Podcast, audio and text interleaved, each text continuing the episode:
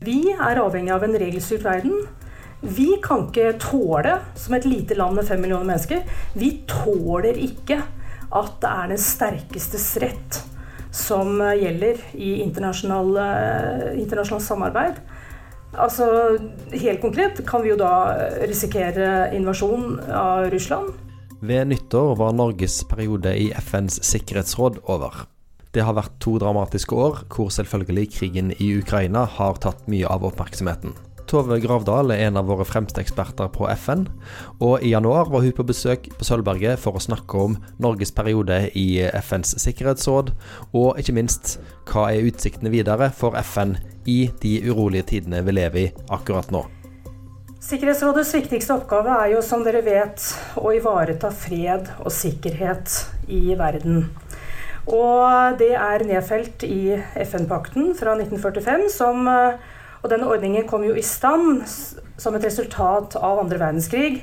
Målet var å hindre at noe så grusomt som andre verdenskrig skulle skje igjen. Og i denne perioden hvor Norge har sittet i rådet, så har det jo da vært eh, flere kupp og mer krig. Altså så kan vi kanskje eh, argumentere for at Norge har mislyktes i rådet. Verden er blitt et farligere sted.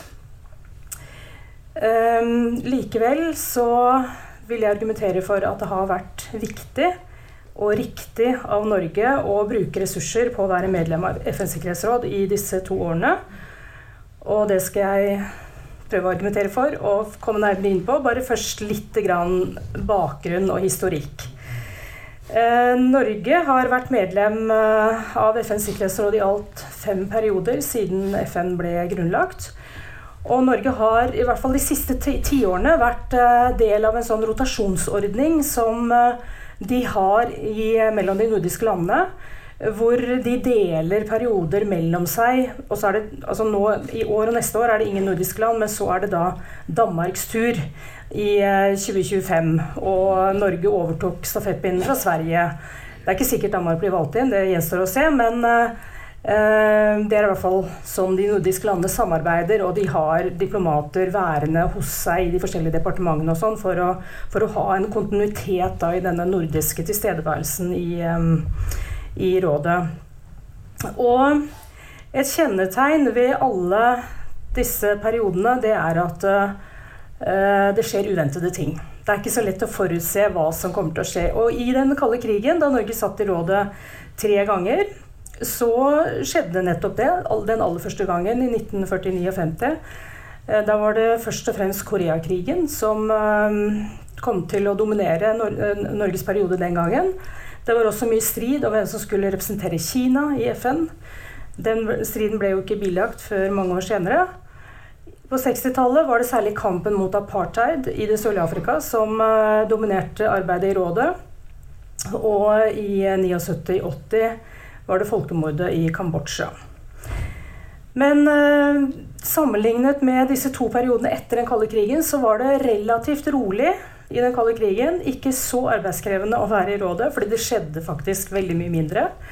Etter den kalde krigen, de to periodene som Norge har sittet, har begge perioder vært ekstremt dramatiske. Forrige periode for 20 år siden eh, var preget av eh, terrorangrepene 11.9. i USA, krigen i Afghanistan og selvfølgelig opptrappingen til krig i Irak, som da ble iverksatt etter at Norge hadde gått ut av rådet den gangen.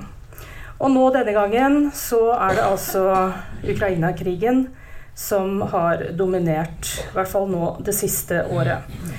Og, um, vi har, men vi har også sett at uh, det har vært andre veldig, veldig krevende uh, konflikter på rådets spor, ikke minst Talibans maktovertagelse i Afghanistan Eh, krigen i Syria har eh, blitt videreført, og eh, det har vært mange kupp. Overraskende mange kupp, faktisk. For man trodde det var, var slutt med kupp, men det har kommet tilbake igjen. Så eh, litt om ambisjonene Norge hadde for å være medlem av FNs sikkerhetsråd. Eh, daværende utenriksminister Ine Eriksen Søreide sa til eh, Eh, Stortinget i desember 2020, rett før Norge gikk inn, At vi vil bruke vår erfaring fra fredsdiplomati osv. osv. Det var liksom fire punkter som eh, Norge hadde med seg inn i rådet. Og det var å bruke norsk erfaring fra fredsdiplomati, eh, fredsdiplomati til å forebygge og løse konflikter. Vi vil jobbe for å beskytte sivile, sikre kvinners deltakelse og løfte fram sikkerhetsutfordringer som forsterkes av klimaendringer. Det var sånne fire holdepunkter for det Norge skulle gjøre i Sikkerhetsrådet. Dette var litt sånne runde og vage formuleringer, og det tror jeg det var litt klok av skade. Fordi at før medlemskapet i 2001-2002 så hadde Norge veldig mange og ganske konkrete ambisjoner, som da måtte bare egentlig legges til side, eller i hvert fall nedprioriteres, da 11.9 kom.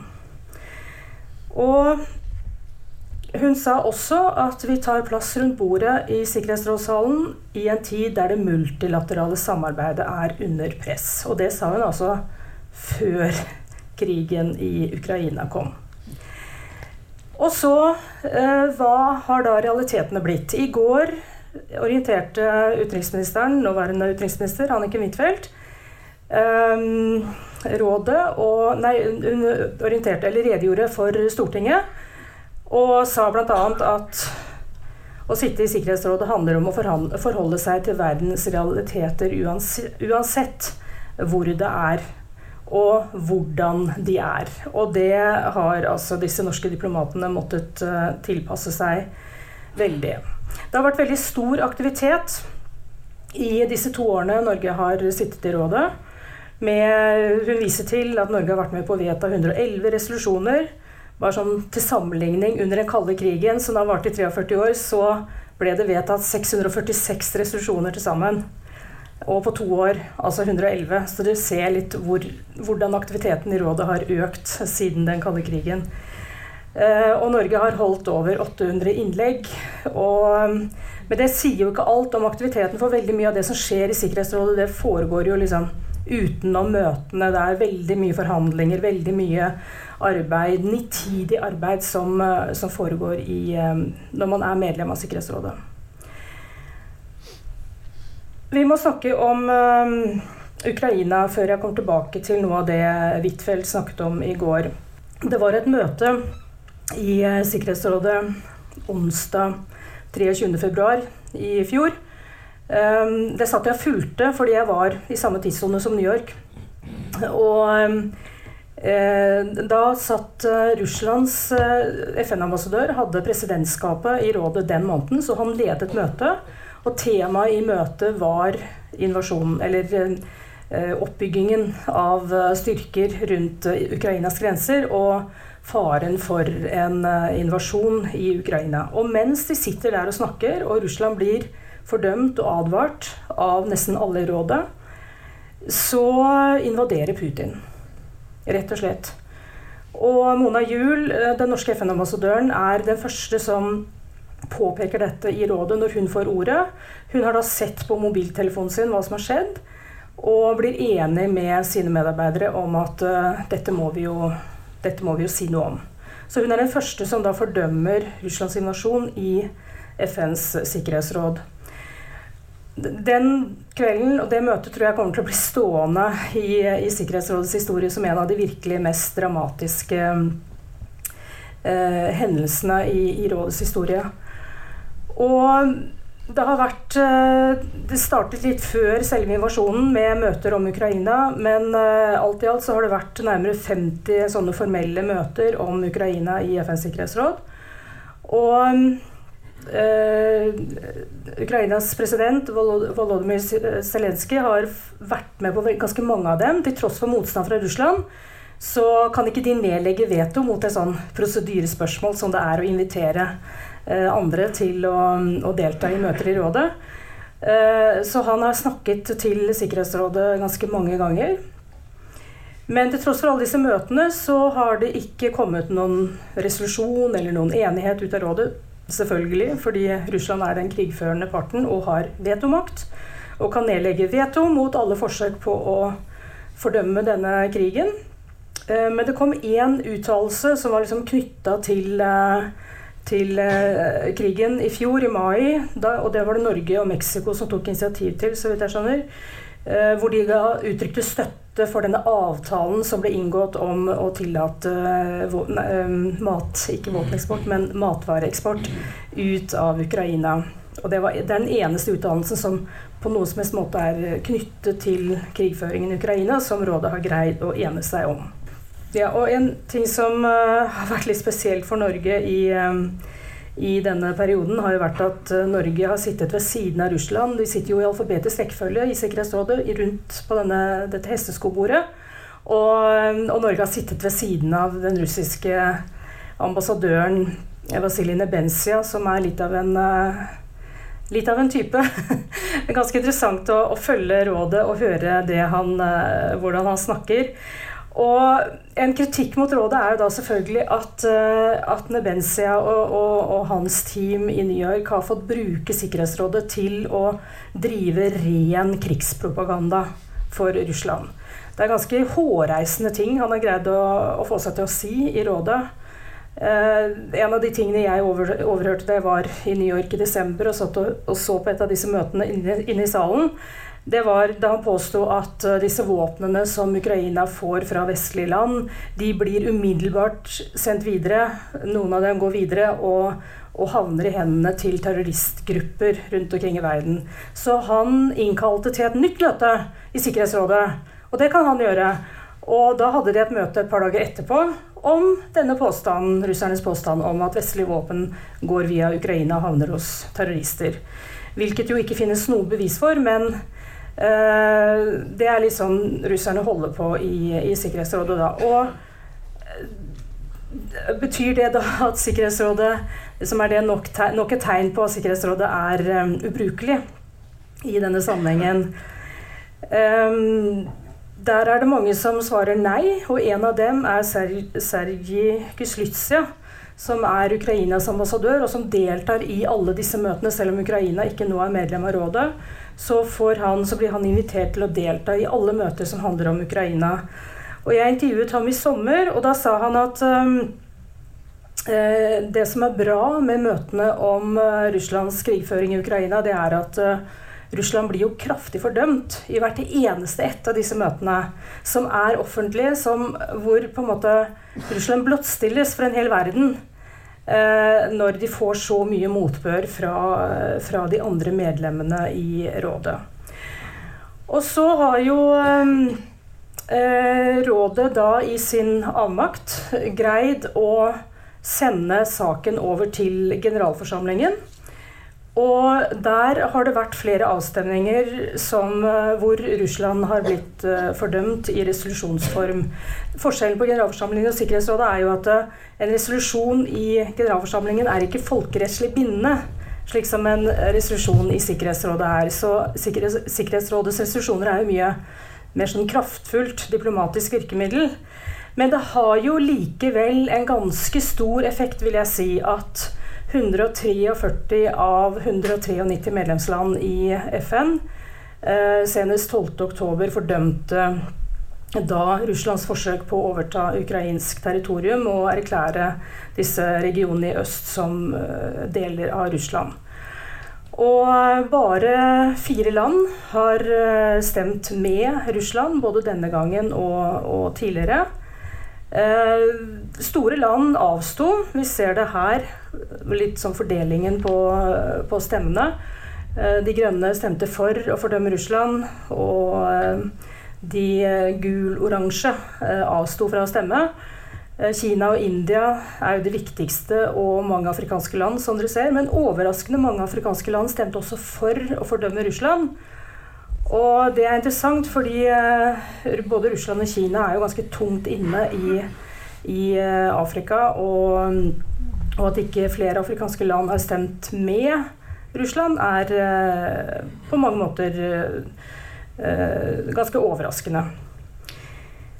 Um, og det, sånn at Poenget er at denne behandlingen av, av Russlands invasjon i Ukraina i FN er ikke forgjeves. Altså det er ikke poengløst, mener både Ukrainas egen ambassadør og det at Zelenskyj også stiller opp og deltar i møtene i Sikkerhetsrådet, eh, viser jo at han mener at dette er en viktig arena for å få frem eh, de grusomhetene som, som blir begått på slagmarken i Ukraina.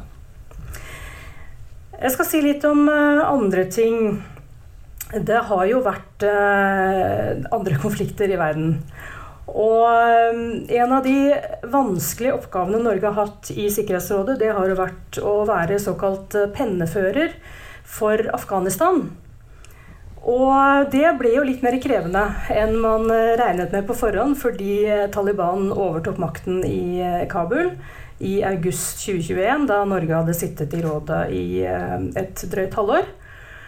Og eh, det er jo Altså, FN, FNs sikkerhetsråd gir jo mandat til Det kjenner dere jo til at de gir mandater til fredsbevarende operasjoner, som mange nordmenn har deltatt i opp gjennom årene. Mest berømt av dem er jo i Libanon. Eh, men i tillegg til å ha sånne fredsbevarende operasjoner med soldater på bakken med blå hjelmer, så har de også sånne politiske operasjoner i ganske mange land. Og det har de bl.a. i Afghanistan, hvor, ikke, hvor det ikke er sånne blåhjelmet eh, FN-soldater, men det er en ganske stor politisk operasjon som da jobber tett med myndigheter, og som da både administrerer nødhjelp, bistand, og jobber politisk med makthaverne i det landet der hvor de er. Og i 2021 så var det ganske greit å fornye mandatet til UNAMA, som denne operasjonen i Afghanistan heter. Uh, men nå i mars i fjor, i 2022, så var ikke det så enkelt lenger. For det første hadde Taliban overtatt makten, og da oppstod det problemer med skal f.eks. FN være der i det hele tatt? Og på en måte da med fare for å legitimere makthavere som ingen i verden ønsker å legitimere. Og, eller eh, og hva, hvor, hvor, langt skal man gå i å liksom utforme det mandatet, og altså dvs. Si oppgavene som FN skal drive med i Afghanistan. Og dette skulle da fornyes i, eh, i mars, rett etter at Russland hadde invadert uh, Ukraina. Og Norge visste at en forlengelse av det mandatet kom til å bli vanskelig, så, så de var forberedt på harde forhandlinger allerede. Og så pga. Eh, invasjonen i Ukraina så ble det enda vanskeligere. Og da var det en reell fare for at uh, Russland, og også Kina muligens, kunne komme til å legge ned et veto mot et mandat, et videre mandat. Og en av de tingene det var uenighet om, var hvorvidt eh, altså, man skulle liksom utforme et mandat for samarbeid med Taliban. Hvilket var problematisk bl.a. for Norge, som hadde ansvaret for, eh, for, å fornye dette mandatet. Eh, etter veldig veldig tøffe forhandlinger så klarte de å unngå veto. Så vidt jeg husker så ble ja, den ble vedtatt med 14 stemmer for, og Russland avsto fra å stemme. Og det blir framholdt som en ganske stor bragd av Norge, rett og slett. At de klarte å reforhandle og fornye det mandatet og unngå veto. Og I den situasjonen så forhandlet Norge direkte med de russiske diplomatene. På dette tidspunktet var det ikke noe kontakt mellom USA og Russland. Det er jo ofte de som bilateralt, eller eh, seg imellom, avgjør ganske mange spørsmål i, eh, i FNs sikkerhetsråd. Og i dette tilfellet så fikk ikke Norge noe drahjelp fra USA. Så det er en av de tingene som blir trukket frem som, som, noe av det mest imponerende Norge har gjort i Sikkerhetsrådet i denne perioden. Og hvorfor det er det viktig? Jo, altså jeg tror at øh, Det vet jeg jo ikke, jeg har ikke foretatt noen undersøkelse på bakken i Afghanistan. Men øh, for Afghanistan så tror jeg det er viktig at FN er til stede. Og eh, Sikkerhetsrådet har jo også gjennom det siste året eh, blitt enige om, uh, om flere uttalelser hvor de bl.a. har fordømt Talibans forbud mot jenter i skolen og osv. Og, og det er jo viktig at det internasjonale samfunnet har det blikket og det trøkket på makthavere som så til de grader Eh, forbryter seg mot grunnleggende menneskerettigheter, som Taliban gjør i Afghanistan. Og splittelsen i Taliban, eh, som vi har hørt om de siste dagene, den eh, er Den kan jo forsterkes eh, takket være et sånt press fra FNs sikkerhetsråd. Så det er vesentlig for det som foregår på bakken. En annen ting som eh, Norge har holdt på med og hatt mye ansvar for, det er eh, nødhjelpskorridorer inn i Syria. Dette var noe som kom i stand ganske tidlig i borgerkrigen i Syria. Hvor da store deler av Syria var kontrollert av opprørsgrupper. Og det var problematisk å få inn nødhjelp inn til de områdene som var kontrollert av opprørsgrupper.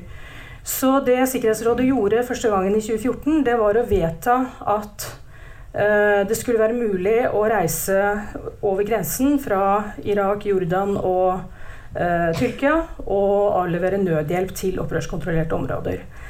Uh, dette mandatet for disse nødhjelpskorridorene har vært fornyet hvert år og blitt vanskeligere og vanskeligere.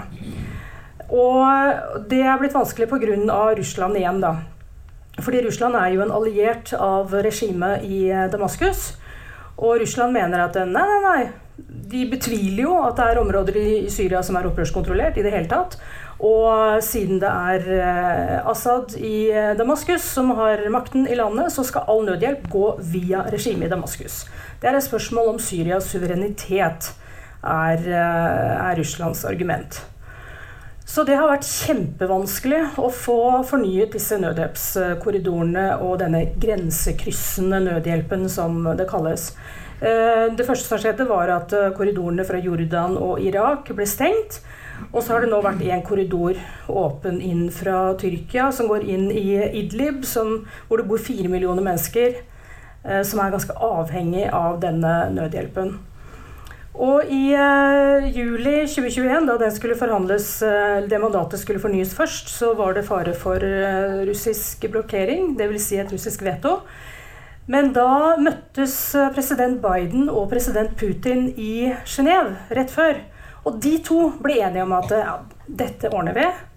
Og så, egentlig uten at Norge hadde noe særlig med det å gjøre, så ble på en måte USA og Russland bilateralt enige om at vi fornyer det mandatet.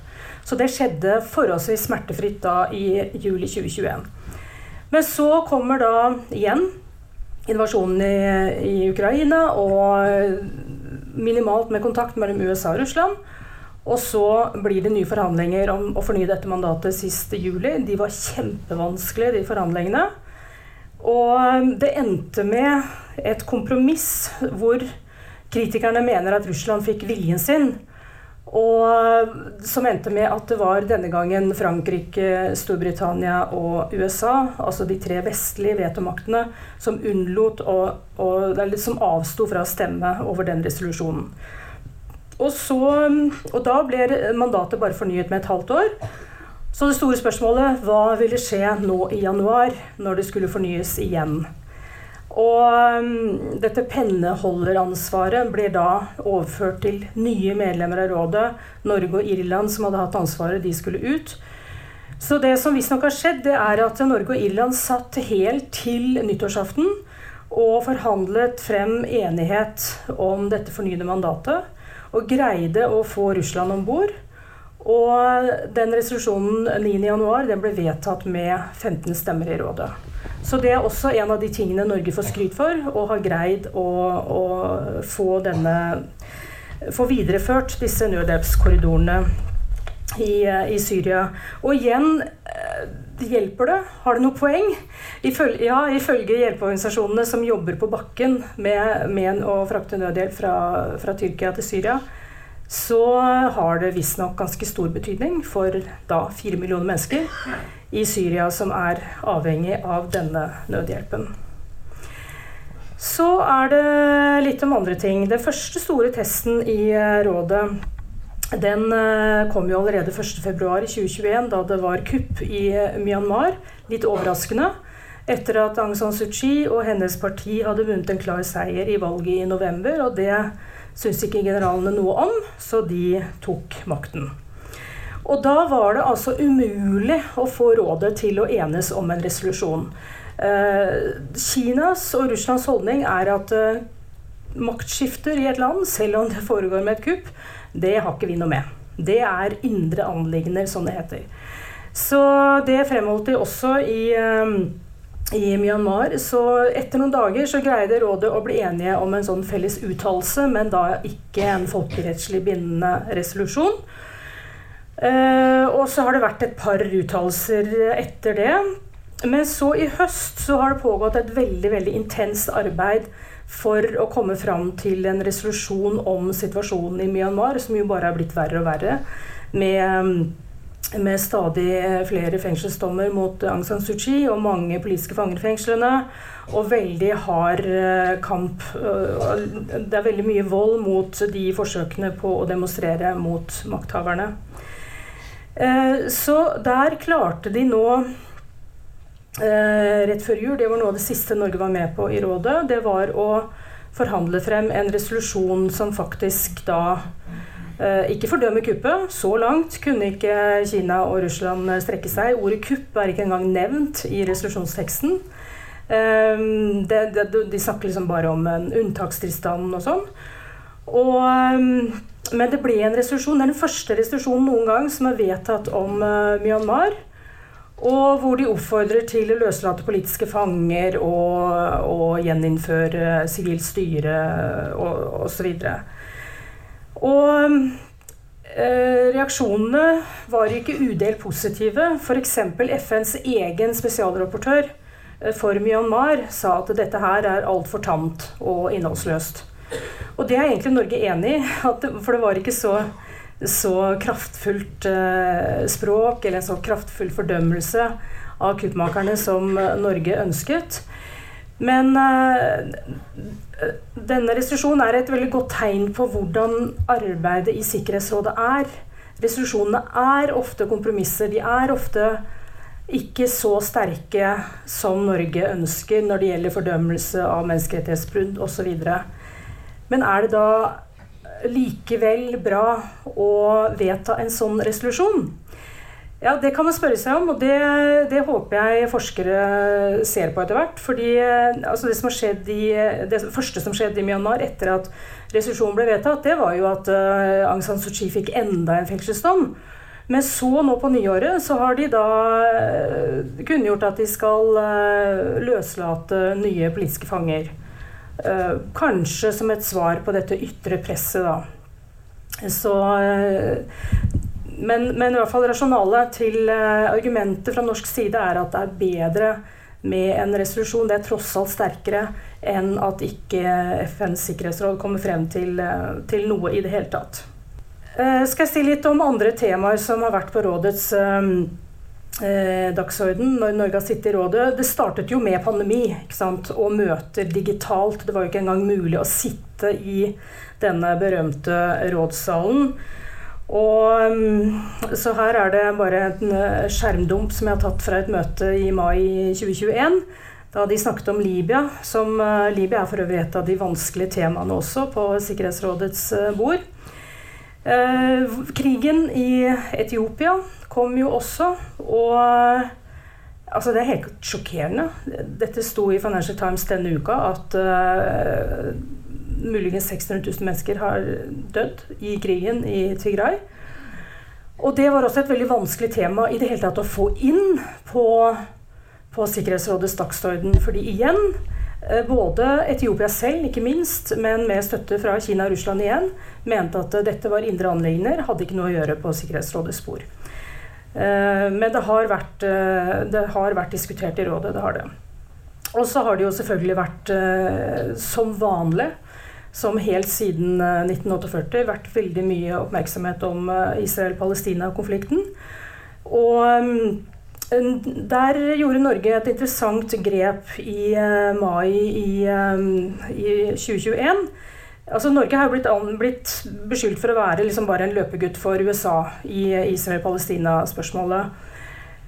Og i forrige periode så stemte Norge i noen tilfeller sammen med USA i Sikkerhetsrådet i Israel-Palestina-spørsmålet, til tross for at Norge egentlig mente noe annet. Og, mm, og, vi vet jo at USA er på en måte Israels uh, høye beskytter i, i, Sikkerhetsrådet.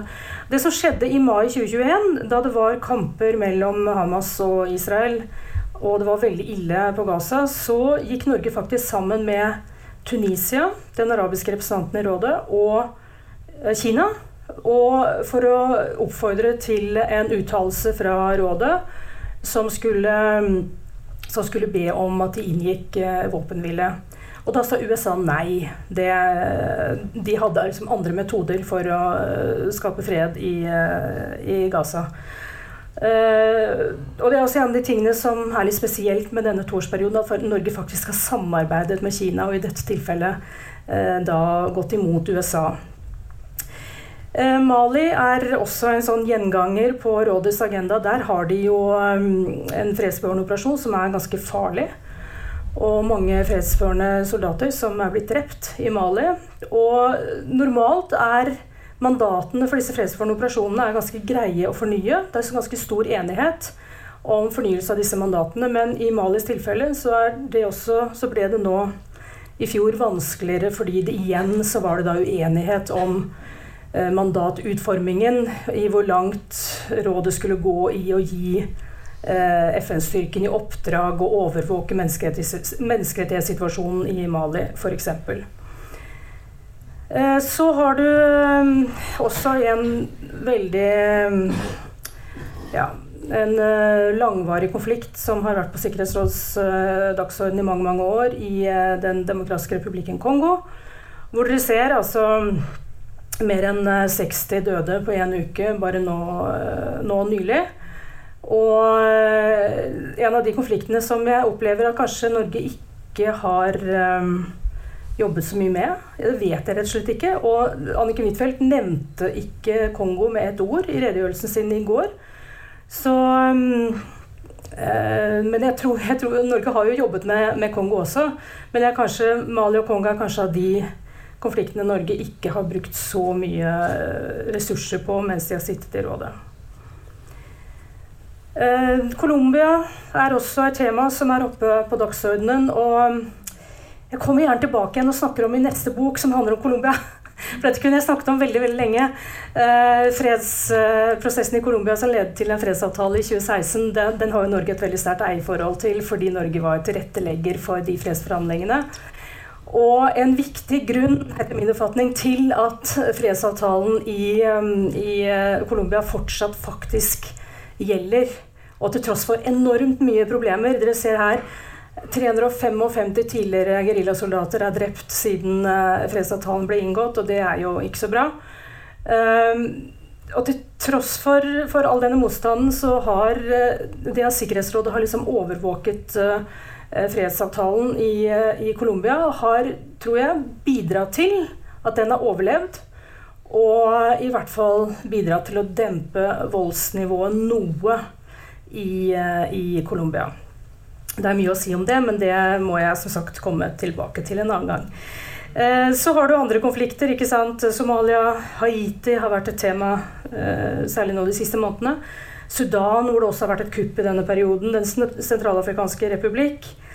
Og eh, Nord-Korea har, vært, har, har Norge brukt innmari mye tid på. Og det er fordi at Norge har ledet det som kalles sanksjonskomiteen for Nord-Korea. Uh, som har vært et veldig veldig krevende oppdrag. Det er tre diplomater som har jobbet med det på heltid. Og, um, og Nord-Korea er jo også blitt uh, Det er jo Det ligger jo an til konflikt der som kan bli forferdelig farlig. Og det er kanskje en av de tingene vi kommer til å høre mm, mest om i årene som kommer når det gjelder trusler mot verdensfreden. Så skal jeg si litt om Norges eh, omdømme i verden som et resultat av eh, disse to årene i FNs eh, sikkerhetsråd. Jeg har snakket med Martin Kimani, som er Kenyas FN-ambassadør. Kenya har sittet sammen med, med, med, Norge i rådet. Og Martin Kimani, som er en utrolig flink fyr, og som har imponert mange med sin opptreden i FNs sikkerhetsråd, han skryter veldig av, eh, av, Norges arbeid i rådet. Og han sier at um, i likhet med Rishi Gowan, som, som, jobber i International Crisis Group, en tankesmie i New York, at Norge har, ja, Norge har prinsipper om menneskerettigheter, kvinners rettigheter osv. som de har håndhevet og, og, vist frem tydelig i, i Sikkerhetsrådet. Men de har også evnet å jobbe pragmatisk og finne løsninger. Og der Richard Gowan har f.eks. Han, han fortalte meg at det var litt Norge har jobbet litt annerledes enn Sverige da Sverige satt i rådet for noen få år siden. Hvor Sverige var veldig opptatt av å, var veldig sånn at de flagget tydelig sine prinsipper. Var veldig opptatt av å gjøre det. Mens øh, Og var kanskje ikke riktig så løsningsorientert bestandig, da, mens Norge har vært mer løsningsorientert og mer pragmatisk med tanke på å komme frem til, øh, til øh, løsninger. Og det er jo litt av en en eh, Ja, hva skal jeg si? Det er en, litt av en anerkjennelse av Norge, det, det disse sier. Og Kimani påpeker at kanskje det er Norges erfaring med fredsdiplomati som gjør at Norge har denne holdningen, at Norge er vant til å uh, lytte til uh, sine samtalepartnere og forstå hvor de kommer fra, for, i et forsøk på å finne løsninger. Og så har jo Eh, jo, eh, Sikkerhetsrådet er jo en ekstremt god arena for å drive omdømmebygging. Og det ser ut til at eh, den norske delegasjonen har drevet en god del med det. Da jeg var i New York, dette bildet tok jeg da jeg var der nå i desember, hvor Mona Juel før et møte om Sudan, så gikk hun ut og møtte pressekorpset. altså Der alle de internasjonale store mediene har jo faste korrespondenter i, i FN-bygget. Og de Eh, så hun kommer da og møter dem og kommer med en sånn uttalelse om hva Norges holdning er i, eh, i, spørsmålet Eller i, dette tilfellet om Sudan. Det var etter at eh, de militære hadde gått med på en avtale om å gjeninnføre sivilt styre. Og det gir jo gjerne god PR for Norge, da. Å være tilgjengelig for mediene og ha liksom selvstendige utspill eh, som eh, Eh, ja, som kan markere Norge internasjonalt. Og det jeg har lagt merke til, er at uh, Norge har fått mer oppmerksomhet i internasjonale medier nå enn de gjorde i forrige periode. Men noe mindre, ganske mye mindre faktisk, enn i norske medier. Og uh, det, jeg vet at, at, delegasjonen i New York er ganske frustrert over at de syns at norske medier har vært for lite interesserte. Men jeg tror kanskje også noe av ansvaret ligger på dem, da med tanke på å eh, ja, få gjennomslag også i norske medier om hva de har holdt på med i, i New York. Um, ja, jeg skal avrunde med å gå tilbake igjen til, um, til Ukraina. Jeg sa tidligere at det har altså blitt mer konflikt og mer krig i den perioden Norge har sittet i rådet. Og vi kan tilføye det er blitt mindre demokrati i verden. Mer eh, brudd på menneskerettigheter. Det har blitt eh, flere flyktninger. Og flere som sulter i verden. Altså det er veldig mange parametere som går nå i eh, feil vei. Og mm, krigen i Ukraina er altså helt sånn grunnleggende ødeleggende for det internasjonale systemet som vi har bygd opp etter den andre verdenskrig. Og hvor da respekten for prinsipper som er nedfelt i FN-pakten, er blitt brutt på en så ekstrem måte av Russland i, i, i Ukraina. Og så er det jo viktig å, å minne om at um, det, er ikke, det, er jo ikke, bare Russland som brutt FN-pakten. Uh, vi kan nevne i fleng krigen i Irak i 2003 som USA og Storbritannia eh, satte i gang uten noe mandat fra FNs sikkerhetsråd, og som vi jo lever med konsekvensene av fortsatt. Veldig mye av den terroren vi har sett, også i vestlige land, eh, de siste årene, henger jo sammen med den galskapen som ble utløst i Irak av den invasjonen. I kombinasjon med Saddams eh, diktatur, selvfølgelig. Eh, vi kan også nevne Kosovo i 1999, da Norge var med og bombet eh, serbiske mål i, eh, i, Kosovo uten mandat fra FNs sikkerhetsråd. Og Det er viktig å ha i bakhodet, for det er en av de tingene som, som Russland trekker frem i Sikkerhetsrådet veldig ofte. Ja, hva var det dere gjorde i, i Kosovo? Og det er en hendelse hvor Eh, som, som Nebensia, den russiske ambassadøren, har trukket fram flere ganger. og Det er f.eks. At, at amerikanske fly bombet den eh, kinesiske ambassaden, var det vel, i, i, eh, i Beograd. Og altså bombet sivile mål i, uh, i Serbia. Så underforstått russerne sier 'kom ikke her og anklag oss for å bombe sivile mål uten mandat eller lov til det'. Det har dere jammen meg gjort selv. Det er en viss uh, sannhet i det, og det må vi bare ha i mente. Og, uh, men likevel så vil jeg hevde at denne krigen i Ukraina er så Det er liksom en, en omdreining når en vetomakt uh, opptrer så brutalt og ikke på noen som helst måte forsøker å legitimere rasjonelt sine handlinger i, i Ukraina. Og for uh, Norge så er det jo uh, veldig mye som står på spill. Uh, det er Vi er avhengig av en regelstyrt verden.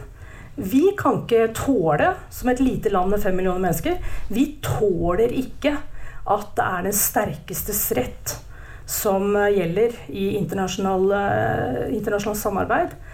Altså, helt konkret kan vi jo da risikere invasjon av Russland.